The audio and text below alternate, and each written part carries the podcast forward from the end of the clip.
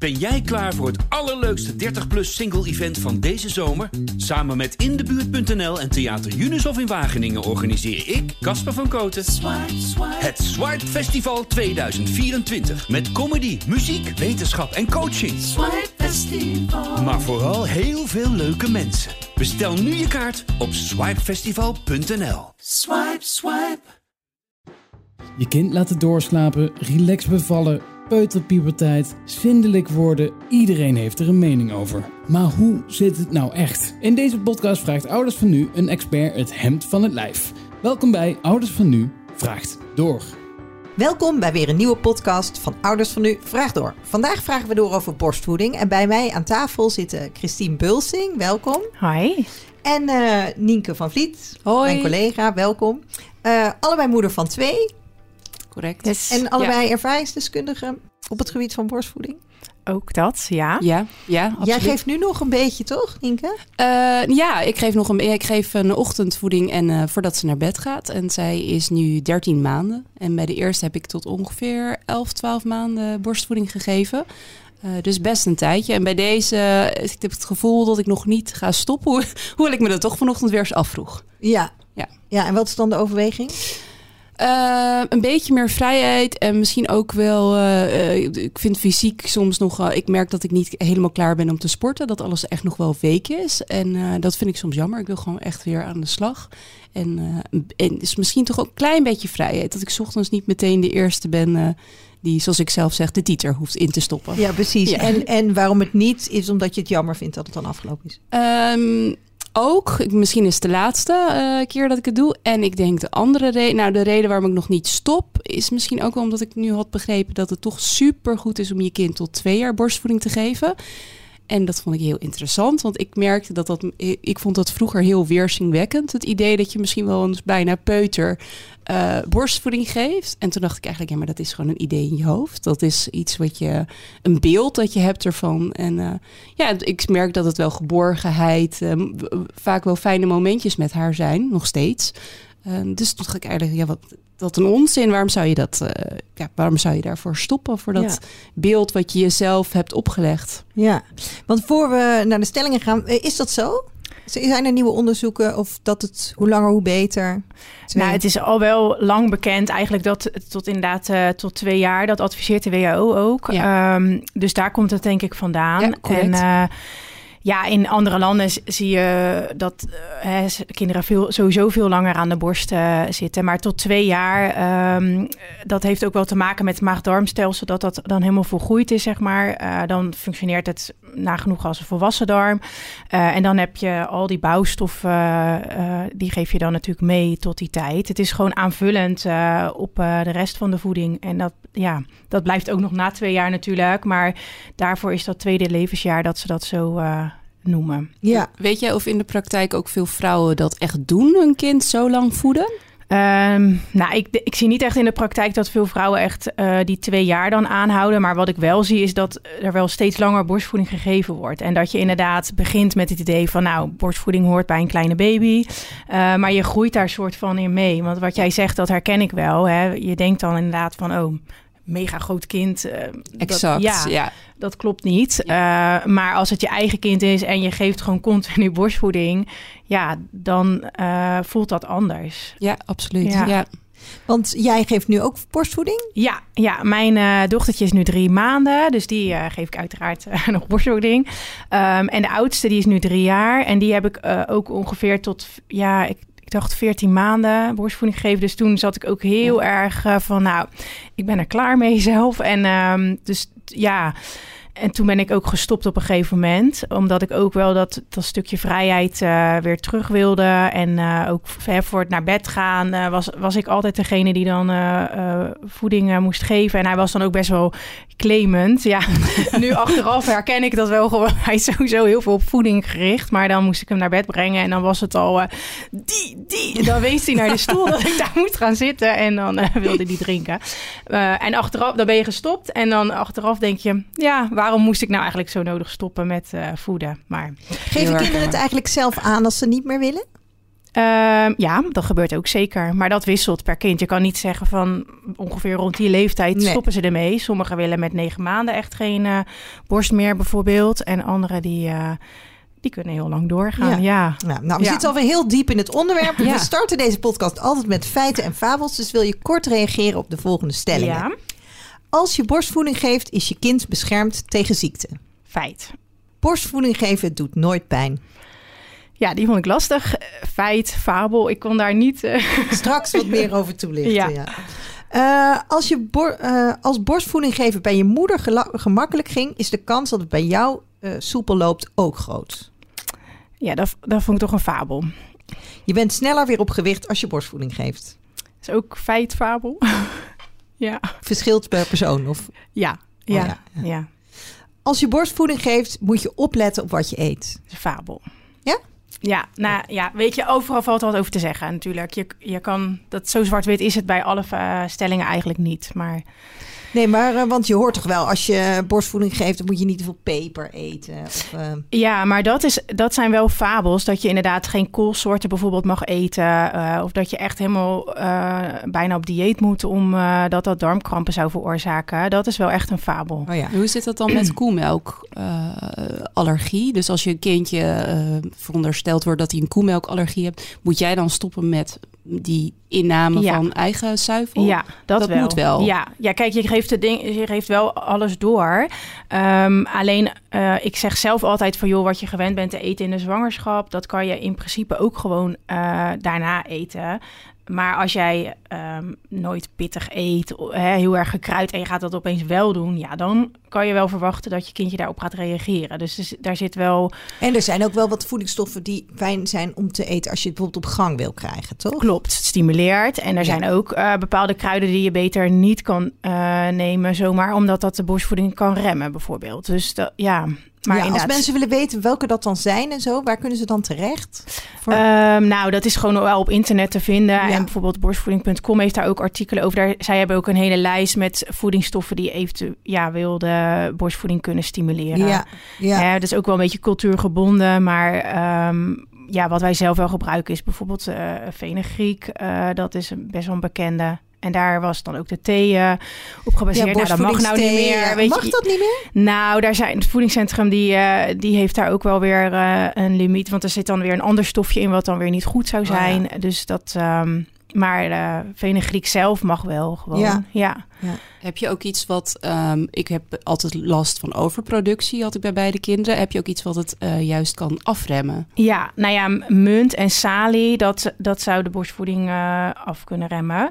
Ja. Maar ja, munt is ook wel discutabel, want bij ons wordt dat niet heel veel gedronken qua thee, maar in andere landen natuurlijk wel. En daar is het ook niet zo dat ze dan helemaal geen borstvoeding productie, zeg maar geen productie hebben. Dus alleen je ziet soms in Nederland wel dat vrouwen al wel reageren op muntthee, dat het wat remt. En anders is saliethee nog sterker. Maar daar moet je dus denk ik ook weer mee oppassen. Dat Precies. Is, dit is, eh, ja, daarmee ja. adviseer ik wel van doe dat wel onder begeleiding. Want het ja, kan bij een kopje uh, saliethee bijvoorbeeld kan dat al effect hebben. Dus dan, dat Ja. is eigenlijk niet de bedoeling om dat zomaar eventjes te gaan eh, ja. uitproberen. Onder begeleiding van Ja, jou zou dat dan bijvoorbeeld ja, zijn. Ja, ja, duidelijk. ja.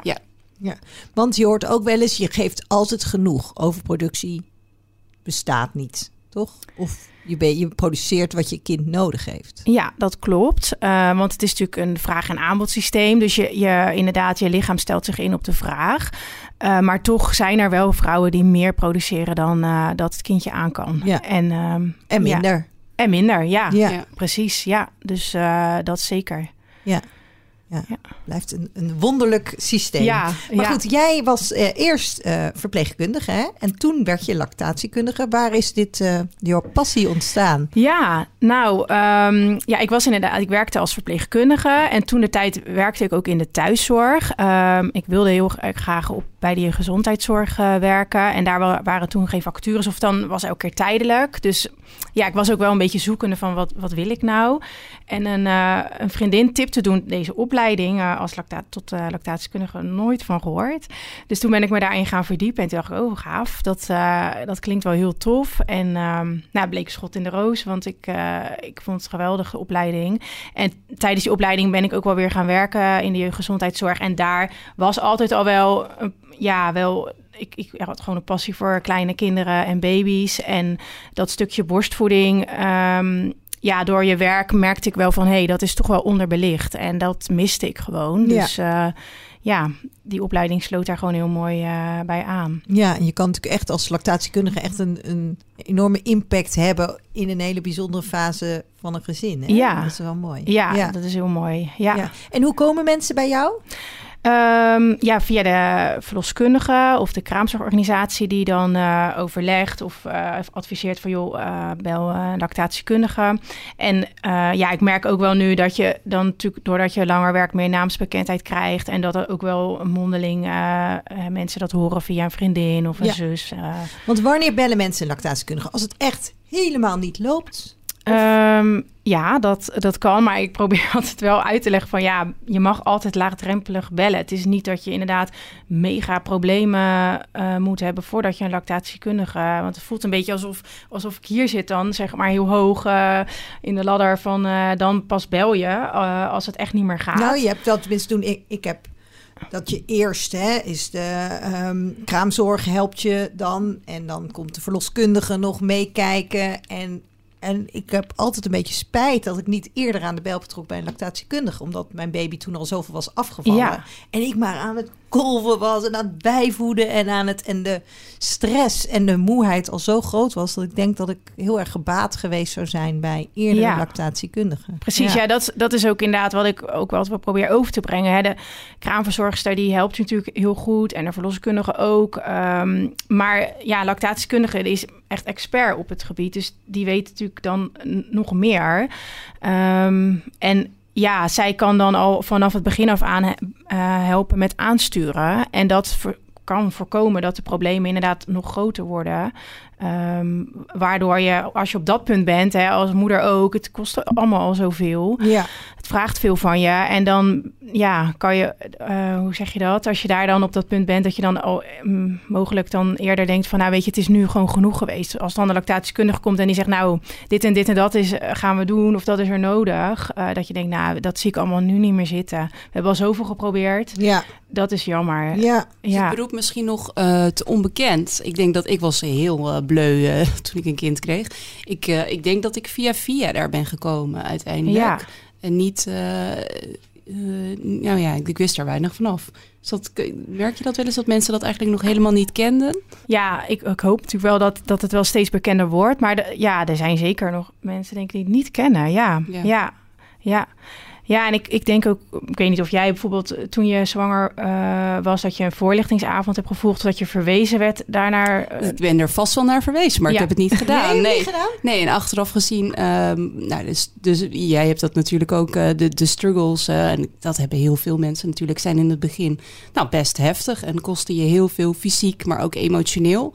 En uh, bij de tweede trouwens ook. Um, maar bij de eerste had ik dus me echt niet voorbereid. En het overviel me heel erg um, ja, hoeveel impact dat had. Later dacht ik, ja, god, had je nou eens voorbereid? Ja, um, ja hoewel, ja. ja, en het is denk ik ook omdat je heel vaak in het nieuws en zo hoort...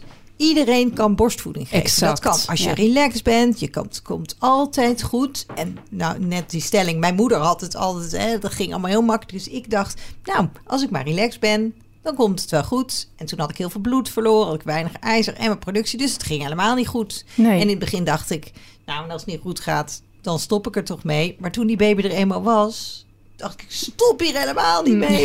Ik toen zei mijn man, nou, en wat is het ergste dat er kan gebeuren? Dan krijgt hij kunstvoeding. Nee, ik krijg kunstvoeding. ik hoor mezelf praten. Ja. Geen kunstvoeding. Nee, nee ja, het is toch echt raar hoe het werkt. Ja. Maar uh, wat zou je mensen aanraden die nu zwanger zijn? Hoe ga je je voorbereiden hierop? Nou ja, ik denk wel dat het meest uh, praktische ook een voorlichtingsavond is. Bij een, uh, het liefst dan natuurlijk bij een lactatiekundige. Maar dat wordt echt wel... Um, overal aangeboden uh, door uh, lactatiekundigen zelf of via een kraamzorgorganisatie waar je bij aangesloten bent. Kijk, je kan online natuurlijk ook wel het een en ander opzoeken. Maar dat wordt toch wel een hele grote ehm, informatiebak, zeg maar. Waar je ook niet zo heel goed uh, dan natuurlijk, uh, als je een leek bent op het uh, gebied, dingen zo uit kan vinden. En bij een voorlichting krijg je toch wel heel gerichte dingen van, nou, dit is handig om te weten als je direct bevallen bent. Ja, en dat je met anderen zit. Dat andere ja. mensen vragen stellen waarvan je denkt, oh ja, dat is ook een goeie. Ja, was niet opgekomen. Ja, ja. ja.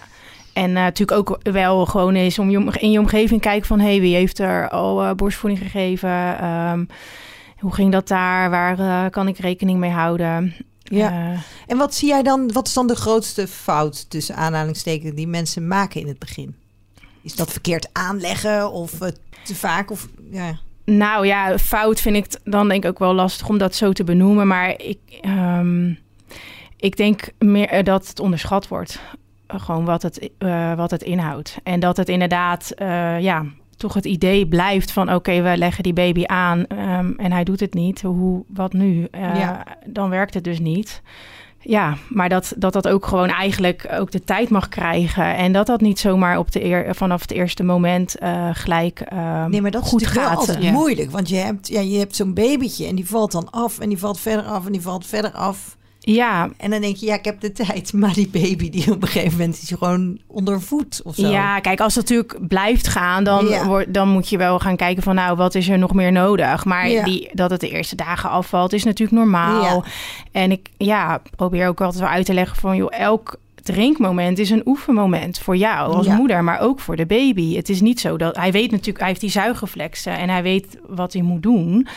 Uh, maar toch is het leren drinken ook. Ja, het is echt leren drinken ook. Ja, dat vond ik wel heel uh, geruststellend bij de tweede en de derde. Dat, dat ik hoorde dat een baby in eerste instantie wel 48 uur zonder echt voeding kan. Hè? Dat hij heel veel ja. reserves heeft. En dat je dus als hij de eerste dag of als je uit het ziekenhuis komt en hij drinkt niet, dat dat niet een ramp is. Nee, klopt. Voor 24 uur houden we daar meestal oh, ja. voor aan. Maar ja. dat klopt, ja.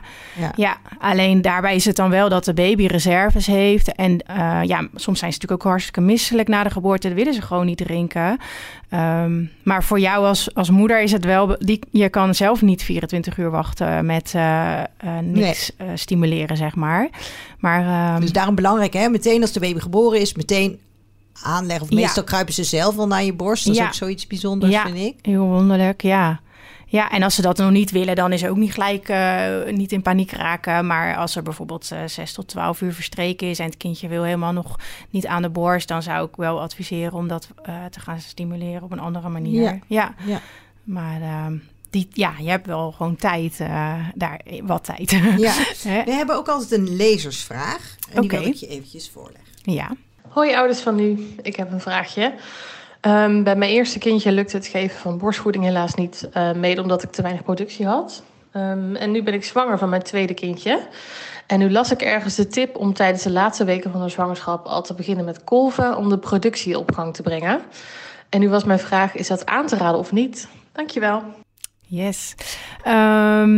Ja, nou, dat, um, dat kan inderdaad. Dat hoor, je hoort het steeds meer. Dat is wel grappig. Uh, het is wel leuk dat deze vraag ook gesteld wordt. Want ik krijg die vraag ook wel uh, vaker. Dat het toch wel bekender wordt dat je inderdaad in de zwangerschap ook al uh, wat moedermelk um, kan afkolven. Um, daarmee geef ik altijd wel aan van ja, doe dat ook nooit uh, op eigen initiatief. Um, overleg het sowieso eerst met de verloskundige of de gynaecoloog. En ik zou dan ook aanraden om uh, in dat proces een lactatiekundige te benaderen. Om te weten van hé, wat ga je nu uh, precies doen? Officieel mag het ook pas vanaf 37 weken zwangerschap. Maar wat je doet is um, de colostrum, zeg maar die eerste moedermelk die er is, afkolven. Uh, maar je kan uh, niet de productie al op gang krijgen. Dus het is niet dat je extra uh, het stimuleert. Alleen wat je wel doet is dat je natuurlijk al wel wat meer kennis maakt met je borsten en met het afkolven. Je moet het ook officieel met je handen doen, dus niet met een kolfapparaat.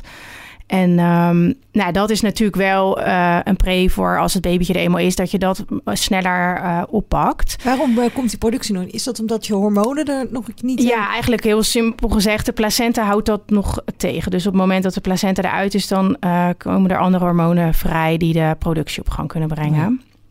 Ja. En um, ehm, wat ik zat net nog iets te denken wat ik daarover wilde zeggen. Dat ben ik nu even kwijt. Ja, ik heb Of er nog 37 wel met, de hand. Oh, sorry. Ja. Ja, Ja. ja. nee, ja, dat, maar die eerste melk, dat colostrum, zeg jij toch? Ja. Dat is toch juist zo belangrijk om aan je kindje te geven. En dat betekent dat je het met een fles zou moeten geven. Nou, precies. Oh ja, daar, dat wilde ik inderdaad zeggen. Eh, want wat er wel een voordeel van is, inderdaad, dat je die, die eerste melk dan hebt opgevangen. En dat Ja. zijn natuurlijk hele kleine hoeveelheden. Hè. Je Ja, moet niet ja. eh, ervan uitgaan dat je dan flesjes afkolft. Sommigen eh, krijgen alleen maar druppels of niks. Dat is ook helemaal normaal. Maar anderen kunnen wel eh 5 tot 10 milliliter bijvoorbeeld eruit halen op een gegeven moment.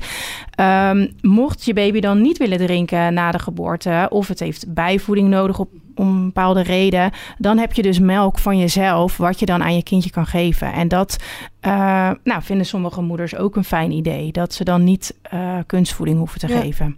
Dus dat is eh, ook een voordeel. Maar ik, ja, ik zou niet standaard iedereen gaan aanraden van je moet dat gaan doen. Alleen bepaalde indicaties kan, ja, is het wel eh, goed. Bijvoorbeeld als, er, als je eh, diabetes hebt, ehm, zwangerschapsdiabetes, dan is de kans wat groter dat je kindje bijvoeding nodig heeft na de geboorte. Bij een tweeling, nou ja, als je inderdaad in eerdere, eh, bij een eerder kindje een la, moeilijk wat lage melkproductie had, kan dat ook Ja. een reden Ik zijn. heb het bij mijn derde gedaan.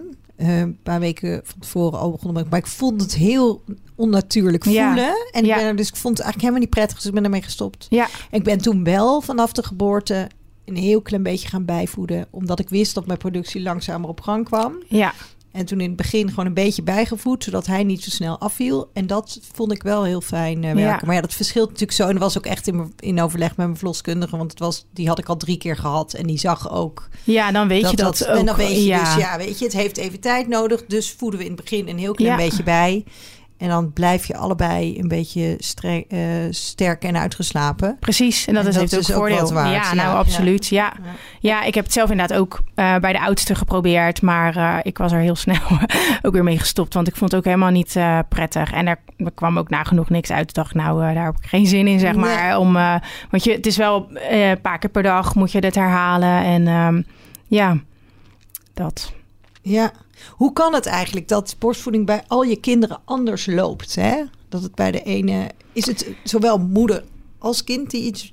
Ja, ik denk in de eerste plaats dat natuurlijk elk kindje anders is. Dus dat het daarmee te maken heeft eh, voor een groot deel. Ehm, en ik zat ook wel te denken van... Ja, eh, je borsten blijven hetzelfde in principe. Maar je kan als mens verander je misschien ook wel weer. Of hè, er gaat vaak toch wel, zit er weer wel tijd tussen. Een eerste en een tweede of een tweede en een derde. Ehm, dus de situatie is ook weer anders waar je in zit. Je hebt al eh, een kind of kinderen. Wat het anders maakt. Ehm, Je bevalling kan anders je zijn. bevalling absoluut kan anders zijn. Ja, dus daar spelen meerdere factoren in mee. Ehm, en natuurlijk weet je wel van, nou, als ik bij de eerste, het kwam makkelijk op gang, kan je ervan uitgaan dat het bij de volgende ook Ja. gewoon makkelijk op gang. Tenzij je in een hele vervelende situatie thuis zit of je bevalling ging eh, heel anders dan eh, verwacht. Heeft dat wel effect, maar En zie je ook dat naarmate je meer kinderen krijgt, dat je er beter in wordt? Ehm, Of is eh, succes geen garantie voor de toekomst? Nou, een beetje wel. Ja. Ja, ik denk, je bent ervaren. Dus je weet eh, al wat je kan verwachten. Dat helpt Ja. natuurlijk.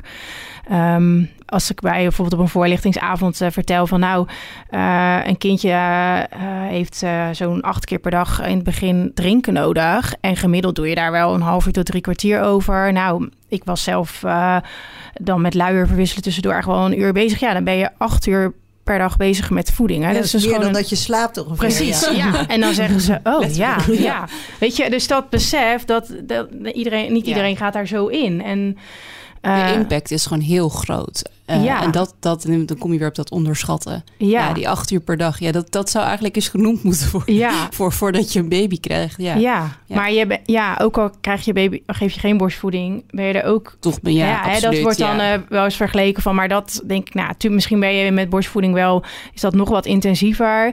Eh, maar een een kindje krijgen heeft natuurlijk sowieso gewoon een grote impact. Ja, alleen je kan borstvoeding, dat, dat doe jij, weet je. Dat kan je niet eventjes Nee, uitbesteden. dat Dat, dat is dan natuurlijk Ja. het... eh, Ja, Ik vind het wel, wel mooi, Hilde, daar wil ik nog op terugkomen... dat jij dus, eh, jouw kindjes werden, die vielen af. Maar dan ben je dus toch weer begonnen bij de tweede en de derde. Ik herken daar wel iets van dat je dat toch weer gaat doen... maar dat die, die struggle om dat voor elkaar te krijgen is heel groot. En waarom wilde je dan toch bij de tweede en derde het weer zelf doen? Ja, omdat het dus uiteindelijk wel lukte. Ja, Uiteindelijk Alleen bij de tweede Ja. dacht ik dus ook, ook ik heb heel weinig productie. En toen ben ik dus ook gaan bijvoeden met flesjes.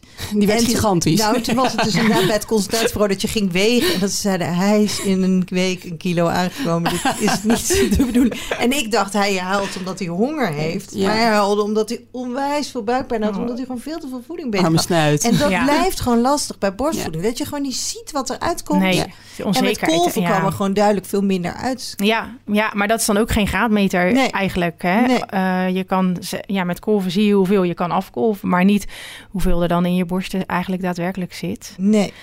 Nee, Ik heb daar ook nog wel een vraag over jou, Christine. Ik heb met eigenlijk bij beide kinderen eigenlijk bijna te veel productie gehad. Bij de eerste ging dat uiteindelijk nog wel. Met borstontsteking ging dat gepaard. Maar bij de tweede, die, die, ja, die kon dat gewoon niet behappen. Het was gewoon veel te veel. Mhm. En eh, dat begon op een gegeven moment alleen maar huilen. Zodra ze aan de borst kwam. Ik denk dat haar slokdarm geïrriteerd was. ja. Maar ik wist het op een gegeven moment gewoon niet meer. En het zorgde bij mij voor enorme psychische, eh, ja, enorme klappen. Ik kon het gewoon niet handelen met een peuter ernaast die ook aandacht wilde. Eh, wat, ik, ik heb echt eens, ik heb heel veel lactatiekundigen gebeld en ik kwam er niet uit met het advies. Iedereen zei wat anders, dus ik raakte helemaal de kluts ervan kwijt. Ja. Ik heb gewacht, na vier maanden ging het beter. Maar goed, het heeft echt, ik heb Ja. echt een bloed, zweet en tranen is het gelukt. En we zijn er nu nog steeds en ik vind het echt mooi dat, het, dat we het hebben volgehouden. Maar ik had eigenlijk misschien wel gewoon gewild van iemand die zei... kap er maar mee, stop maar, het is genoeg. ja. Zeg jij dat wel eens tegen mensen? Je hebt het geprobeerd, het is goed zo. Nou, het is, eh, ik, ik probeer wel altijd eh, echt wel aan te voelen waar, waar de moeder behoefte aan heeft. En inderdaad niet eh, die grens over te gaan van, nou, als ik, als ik merk van ja, moeder wil eigenlijk stoppen. Of het, dat je dan toch door gaat rammen van nee, maar het is zo belangrijk. Ehm, ik vind wel. Of ik echt zeg van nou, zelf zeg stop er maar mee, dat, dat denk ik niet. Want ik vind het toch wel belangrijk dat dat, dat, dat bij jezelf, dat je echt innerlijk die drive hebt van nou, ik, het is gewoon, gewoon klaar nu. Ehm, maar daar, daar zal ik wel in meegaan. Dan, dat ik dan ook diegene help van joh, ehm, hè, dan gaan we er gewoon voor. En dit is er dan nodig. En je hebt inderdaad je best gedaan. Ja. Eh, je hebt alles uit de kast gehaald. Ik snap heel goed dat, dat je. Ja, dat het nu gewoon eh, genoeg is geweest. Ik denk wel dat Ja. is die innerlijke drive om dat te voelen is heel lastig, denk Klopt. ik. Want je zit in zo'n tweestrijd. Dat Ja. zei, je, zei je ook heel met je baby willen Ja. voeden. Maar tegelijkertijd zelf denken, ik, ik ken niet meer. Ik ben, ik ben moe. Ja. Ik, wil wat, al- ik wil zelf wat anders. Maar dat wil je tegelijkertijd niet voor je baby. Nee, dat klopt. En dat, dat, vind- dat, en dat benoem ik wel ook van nou, wanneer je ook stopt, of dat is wat ik in de praktijk, praktijk zie en ook bij mezelf dan weet. Het is altijd moeilijk. Het kost, het is, het kost altijd tranen, zeg maar. Ja. Ja, want het, je sluit denk ik een periode af. Ehm, en inderdaad, die, die tweestrijd van ja, ik, ik wil dit zo graag. Het is het beste. Je wilt het beste uiteraard voor je kind, maar ik trek dit zelf niet. Ehm, jij bent de enige die daarover kan beslissen eigenlijk. Hè? En dat, of in ieder geval jij beslist, Ja. ik ga door of niet. Ehm, en dat maakt het denk ik ook zo zwaar, eh, die keuze. Ik had toen ik bij het consultatiebureau kwam na drie maanden en ik had, ik had besloten om te stoppen. Ik was net gestopt. En toen zei die mevrouw tegen mij. Nou weet je, je kan altijd gewoon weer beginnen. Hè? Oh nee, nee, nee. Toen ben je weer begonnen. Nee. Maar ik dacht wel, oh, dit is zo echt zo vervelend als Ja. iemand dat Ja. zegt. En het was natuurlijk heel goed bedoeld. Want ik zei, ik vind het zo erg dat ik moest stoppen. En zij zei, je kan altijd weer beginnen. Toen dacht ik, nee. Dat wil ik, nee, Nee, nee, nee, nee, nee, Maar ik denk wel dat het goed is om te weten dat, je, dat daar wel ruimte voor is. Dat je dat ook gewoon, ja, een klein rouwprocesje is eigenlijk. Ja. Soms zeg ik dat wel. Van Ja. Ja, je moet er gewoon afscheid van nemen. En ehm doet eh, pijn. Maar Ja. ehm, dat wil niet zeggen dat het dan niet, eh, niet goed is. Of, ehm, Nee. Denk je niet dat er soms te veel druk op staat? Ik heb dat wel gevoeld op het geven van borstvoeding. Dat het, als je bij je verloskundige komt, bij mij werd eigenlijk iedere week wel herhaald. En ga je borstvoeding geven? Oh, dat ja. werd zo vaak herhaald dat ik dit. En ik zei elke keer: ja, je braaf, ja, als het lukt, als het lukt, als het lukt. Ja. Maar uiteindelijk dacht ik: dit moet, het Ja. moet. Ja, Ehm, ik weet niet hoe dat werkt bij anderen, of dat anderen dat ook zo ervaren. Maar ik, ik heb het gevoel dat er heel veel ehm, ja, druk op staat vanaf Hm. ergens. En ik wil niet zeggen borstvoedingsmafia, ik heb dat niet zo ervaren. Nee, maar er zijn natuurlijk ook echt regels over dat wij in ouders van nu ook geen reclame mogen maken voor echt eh, babyvoeding. Pas vanaf zes maanden mag je schrijven over flesjes, kolven, eh, Ja. dat Ja. soort dingen. Er zijn best eh, veel regels om wat aan de ene kant goed is, maar aan de andere kant inderdaad die druk wel ehm hoog legt. Ja. Ja, en ik Ja. snap, ja, dit is heel, het is heel begrijpelijk. Alleen, eh, dit is inderdaad voor, voor, voor jou als mens, hè, die dat Ja. toch maar moet doen, is eh, de druk soms Nou, gewoon en hoog. ik vind eh, vooral in het begin, als je met verlof bent, zo allemaal goed. Maar de, onze maatschappij is nog niet heel erg ingericht op voedende Nee. moeders, op Nee. werk. Ik bedoel, ik zou, ja, we hebben hier wel een kolfkamer. Maar het is niet dat het allemaal... ehm, Nee, dat klopt. En dat, en dat was juist wel positief weer bijvoorbeeld aan eh afgelopen jaar met corona, of twee jaar is het alweer bijna, eh, dat je dus wel zag dat dat wat deed met ook het geven van borstvoeding. Ja, dat moeders rustiger waren, meer tijd hadden, eh, meer thuis waren. ja, maar is daar onderzoek naar gedaan of mensen nu langer borstvoeding geven? Of, eh, Ehm, nou, dat, daar wordt wel onderzoek denk naar gedaan, maar dat durf ik nu nog niet te zeggen of Nee. daar echt al eh, cijfers over bekend zijn. Ja. Maar ik zag dat wel eh, gewoon in mijn werk zelf terugkomen als jeugdverpleegkundige bijvoorbeeld, dat er wel ehm, Ik hoor het ook veel om me heen Ja. van vrouwen die zeggen... ja, ik ben doorgegaan, want ik was toch thuis. precies, ja. Of nu inderdaad thuis werken en zeggen... nou, ik ga gewoon drie keer per dag naar beneden. Dat, is- Ja. dat maakt toch een stuk makkelijker dan dat je klopt. in een kolfruimte... of niet bestaande kolfruimte... ik heb de gekste verhalen gehoord waar mensen zitten... eh, dat, dat doen. Ja, Heel want fijn. überhaupt het, kol, het kolven zelf ja, staat sommigen echt wel tegen al. En dat eh, maakt is ook gewoon een van de... Ja, een grote reden waarom ze gewoon dan stoppen met het geven van borstvoeding. Terwijl inderdaad, als je gewoon in de buurt bent, willen ze wel gewoon doorgaan. Ja, ja. Ja. Ja. dus dat... eh, Zijn er nog dingen die we gemist hebben dat je denkt... dat is ook nog belangrijk om te weten of om te melden? Nou, Gouden tip. Ik heb nog wel een vraag, denk ik. Is nou kolven, dat is mij dus nooit helemaal gelukt. Ik was er niet, het lukte niet helemaal, het kan aan het apparaat gelegen hebben. Ik heb op een gegeven moment eh, de, de handdoek eh, in de ring gegooid. Ik dacht, ik geef gewoon de baby. Ik was er ook, dat scheelt. Hè? Dat, Ja. dat maakt het verschil dat ik voor beide kinderen het lang heb kunnen en willen doen. ja. Ehm, is kolven ook iets waar je goed in moet worden? Ja, dat is ook inderdaad wel iets wat, ehm, eh, waar je in oefent en eh, waar je lichaam ook wel een beetje in geconditioneerd moet worden. Ehm verschilt natuurlijk ook helemaal eh, per persoon. De een die ehm, nou, heeft gelijk eh, heel veel melk en bij de ander is het altijd eh, wel echt investeren. Maar ik denk daarvan ook eh, dat het goed is om je er wel in te verdiepen. Daarvan wordt ook vaak gedacht van nou, koop gewoon een kolf. Eh, er worden, op internet kan je natuurlijk alles vinden. Ja.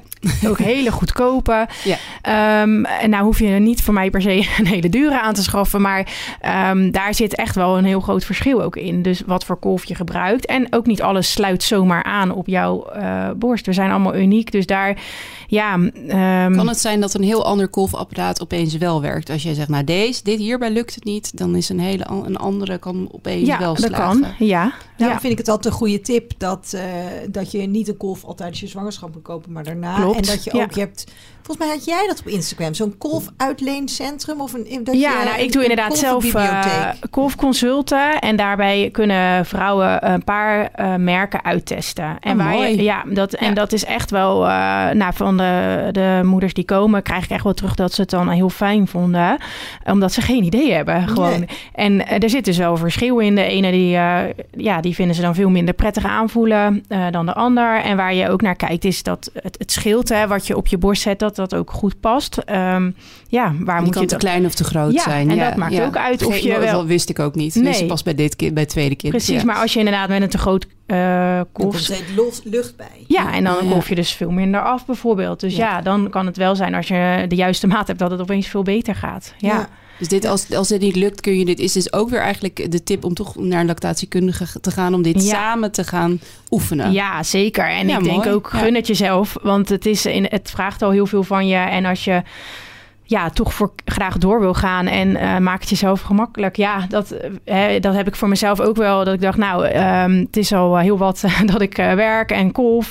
dan schaf ik dus lekker wel gewoon een goede kolf aan. Waar ik dan ehm, wat me het makkelijker en maakte. lenen kan ook hè, bij de thuiszorg. Of Ja, huren. maar de, de huurkolven, zeg maar, die je bij de thuiszorg... Nou zijn er misschien... eh, nee, dat is wel echt met die grote huur... Die zijn best wel groot. En ehm, duur volgens en mij ook. duur, Ja. dus dat Duur is echt voor in het begin. ja, eh, om om het op gang te om- krijgen. ja, en dat kan je nog wel eh, een tijdje aanhouden, maar daar ga je niet mee op pad, Nee, zeg maar. nee, nee. Is er nog één andere gouden tip die je hebt voor als je wil kolven? Ik denk dat ik er één, maar ik weet het, wilde checken of dat zo is. Wat ik Ja. vaak hoor, is dat je eigenlijk al bij een volgens acht tot tien weken een keer moet kolven om het later goed te kunnen. Dat je na een tijdje niet meer Ehm, lukt. nou, ja, kijk, eh, het wordt wel geadviseerd om in die eh, periode al wel vast te gaan kolven.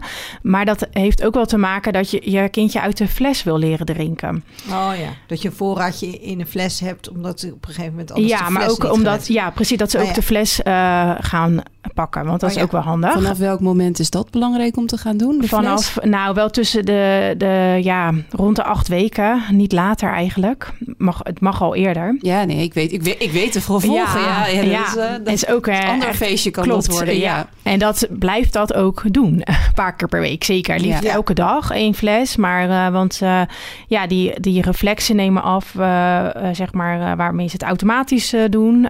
Dus zuigreflex bedoel je? Ja, zuigreflex, ja, ja.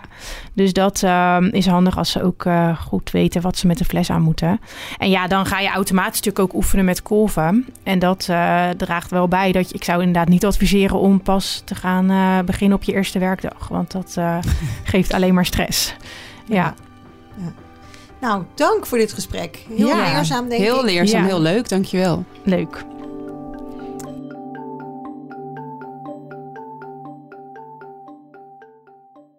Ben jij klaar voor het allerleukste 30-plus single-event van deze zomer? Samen met Indebuurt.nl en Theater Junushof in Wageningen organiseer ik, Casper van Koten, het Swipe Festival 2024. Met comedy, muziek, wetenschap en coaching.